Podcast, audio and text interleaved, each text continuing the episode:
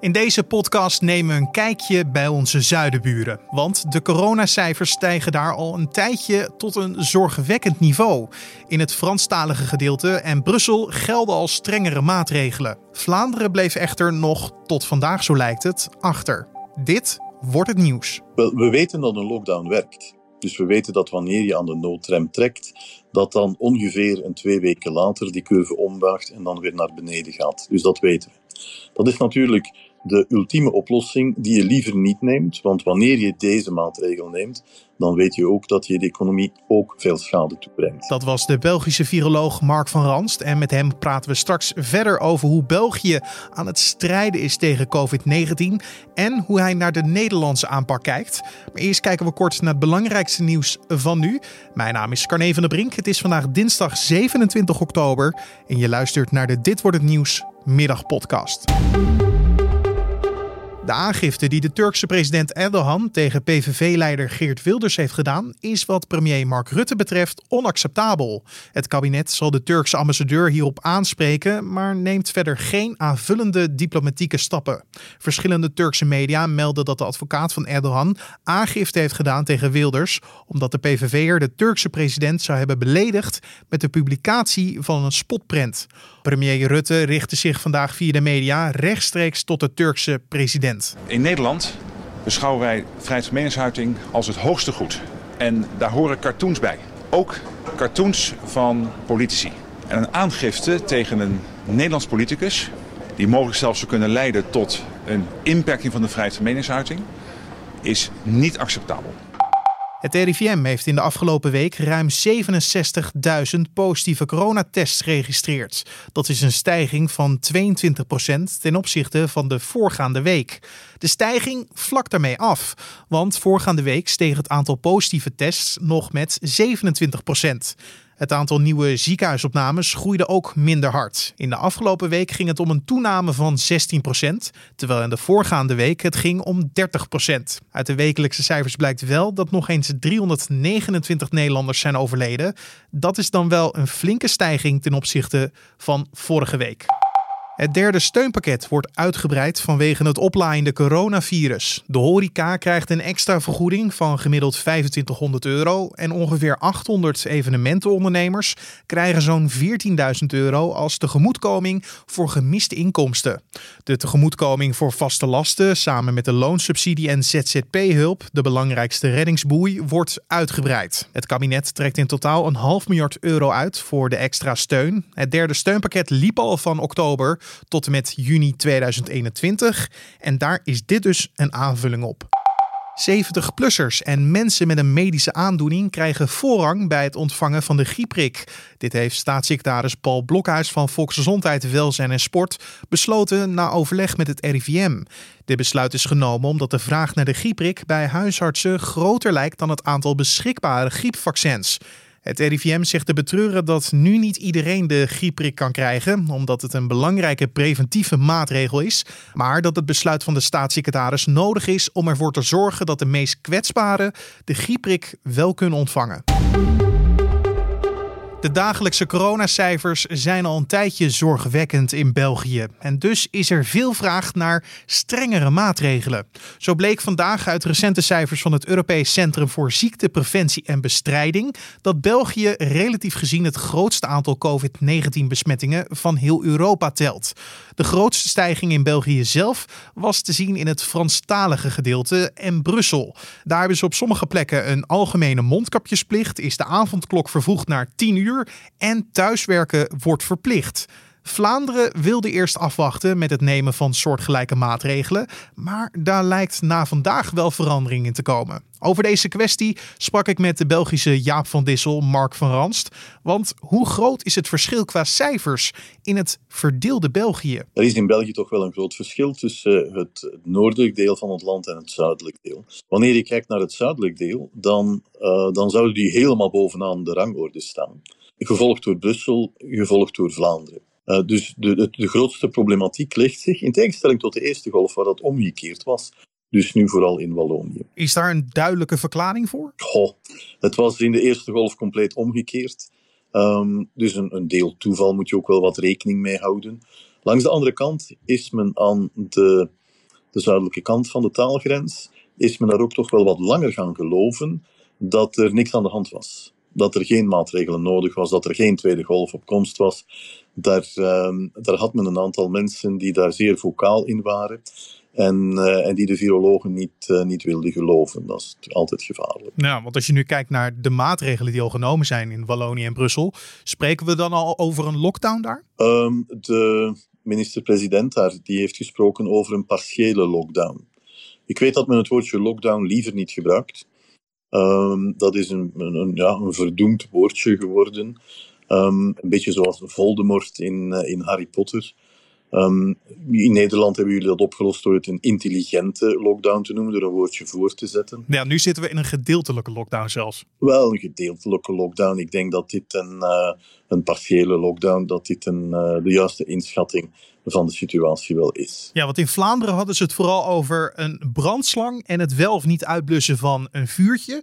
Uh, kunt u voor de Nederlandse luisteraar uitleggen over welke beeldspraak uh, veel mensen vielen? Wel, men vroeg aan, aan de minister-president Jan Jan Bon, men vroeg hem, um, staat het huis in brand en moeten we niet beginnen blussen? En eigenlijk zei hij van, ja, we gaan pas blussen wanneer het huis in brand staat. Uh, terwijl het, uh, het huis wel behoorlijk al in de fik stond. Dus dat was een beetje het ontkennen van een, uh, een realiteit. Ondertussen heeft Mirjam Bon zijn mening toch ook al bijgesteld. En, en gaan er vanavond wel blusmaatregelen genomen worden. Want als u de beleidsmaker zou moeten adviseren, wat moet er dan nu gedaan worden? Ik denk dat men de maatregelen die men in Wallonië en Brussel genomen heeft, um, die, die qua details wel van elkaar verschillen, dat men die ook gaat moeten nemen in, in, het, uh, in het bovenste deel van ons land.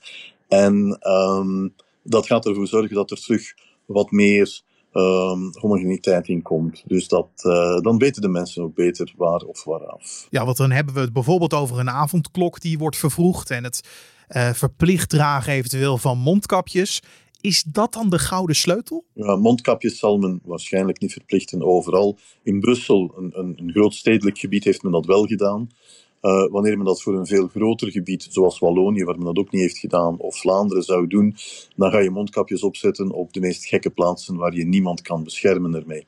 Dus dan, dat gaat men ook niet vragen, denk ik. Die avondklok, dat is mogelijk. Winkelen enkel uh, zonder een, een, andere persoon erbij, dat zal waarschijnlijk ook wel erdoor geraken. Afstandsonderwijs overal verplichten, dat zitten we bijna nu, nu aan voor de universiteiten. daar gaat nog over gepraat worden voor de hogescholen, denk ik. Amateursporten verbieden, dat is ook een mogelijkheid. En wanneer je die maatregelen neemt, dan heb je ongeveer op het Belgische grondgebied wel uh, wel wat dezelfde maatregelen. Ik zei het net al, we zitten in Nederland in een gedeeltelijke lockdown. De horeca is dicht, uh, maar winkels en scholen zijn nog wel open. Ons kabinet wacht nu heel erg op de vraag of deze aanpak zin heeft en of we dat ook terugzien in de dagelijkse besmettingscijfers. Is afwachten volgens u een goede aanpak in de coronacrisis? Ik denk dat je veel minder problemen hebt met een verstrenging te veel dan er één te weinig te hebben. Een verstrenging die kan je altijd terugfluiten. Um, wanneer je niet streng genoeg bent, dan geraakt een situatie vlug um, van onder controle uit. En dat wil je vermijden. Dus um, niets doen is bij een epidemie zelden de beste optie. Dus dan zou een totale lockdown eigenlijk de beste oplossing zijn, ook voor een, ja, een korte tijd? Wel, daar zijn natuurlijk verschillende filosofieën over.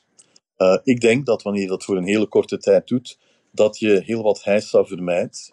Want stel dat je die curve doet ombuigen, maar je blijft op een heel hoog plateau zitten, je blijft daar een hele tijd hangen, dan breng je de economie ook verschrikkelijk veel schade toe. Dus ik denk dat men dat zou moeten, uh, dat men dat zou moeten kunnen, uh, kunnen veranderen. Maar je zou zeggen, we hebben al een eerste golf achter de rug, dus heel veel kennis hebben we vergaard, wat de beste manier is om uh, op te treden tegen het virus.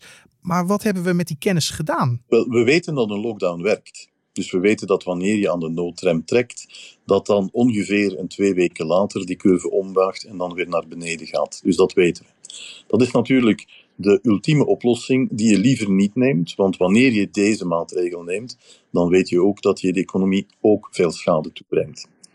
Maar blijven hangen op een heel hoog plateau en niets doen, dat gaat nog voor veel meer schade zorgen uh, op alle mogelijke gebieden.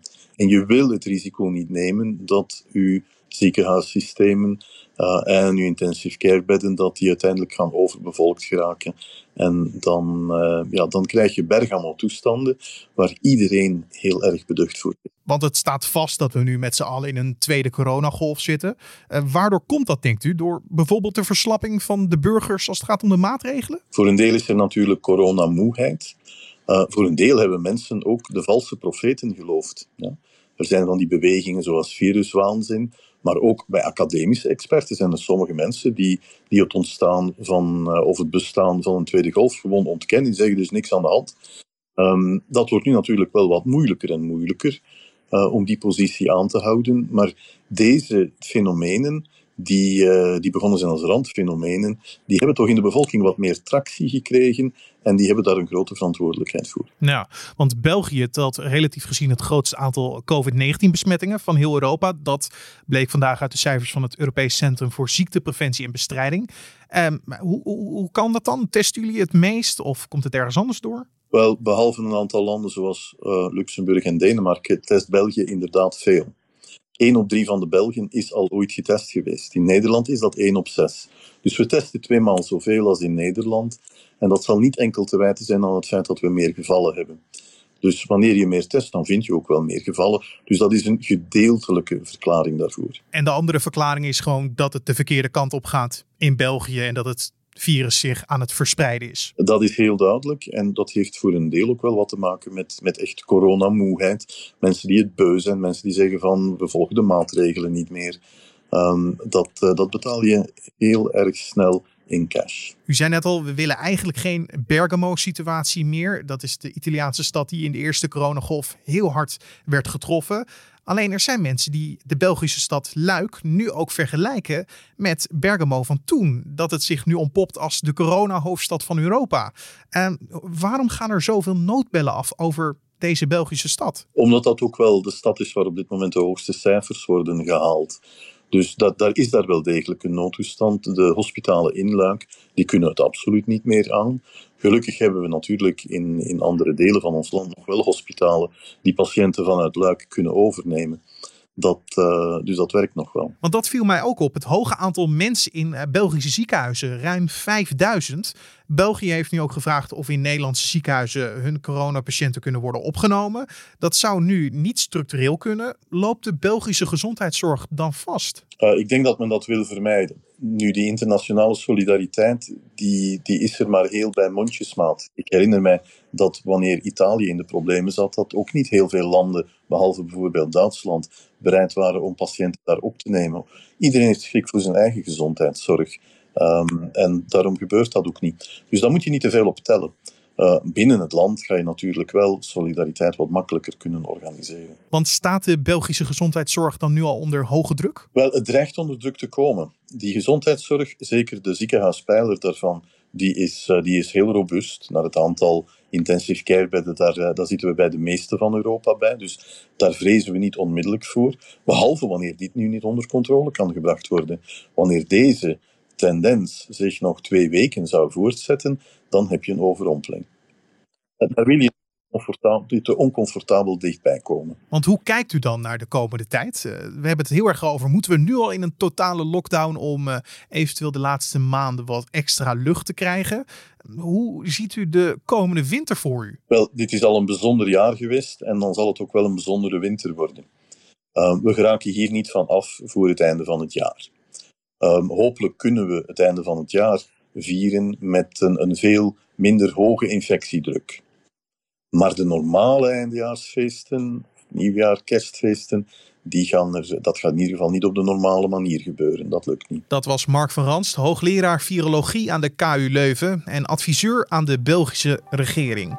En dan het weer. Een gebied met regen trekt deze middag en vanavond van zuidwesten naar het noordoosten over het land. In Groningen valt de eerste regen aan het begin van de avond. Het is zo'n 12 graden en er waait een matige tot krachtige zuidwestenwind. Aan zee is de wind soms stormachtig.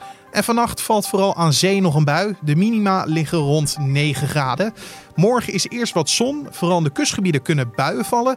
In de loop van de dag trekken dan de buien landinwaarts. En er is kans op hagel, onweer en windstoten. En de maxima liggen rond de 12 graden. En om af te sluiten nog even dit. Afgaande op gegevens van Marktplaats heeft de gedeeltelijke lockdown Nederlanders aan het puzzelen, knutselen en fitnessen gezet. Gebruikers van het platform zochten in de laatste weken meer naar producten die met deze hobby's te maken hebben dan een jaar eerder. Marktplaats vergeleek de zoekopdracht op de site tussen eind augustus en eind oktober met die in dezelfde periode vorig jaar. Marktplaats constateert verder dat thuisshoppers al vooruitlopen op de feestdagen. Naar kerstartikelen is al bijna 60% meer gezocht dan vorig jaar in deze periode. En dit was dan de Dit wordt het nieuws podcast voor deze dinsdagmiddag 27 oktober. Je kan ons helpen met feedback, vragen of suggesties door te sturen naar ons mailadres podcast@nu.nl, podcast@nu.nl. En je kan ook een recensie achterlaten bij Apple Podcast. Mijn naam is Carne van der Brink. Heel erg bedankt voor het luisteren en graag tot de volgende.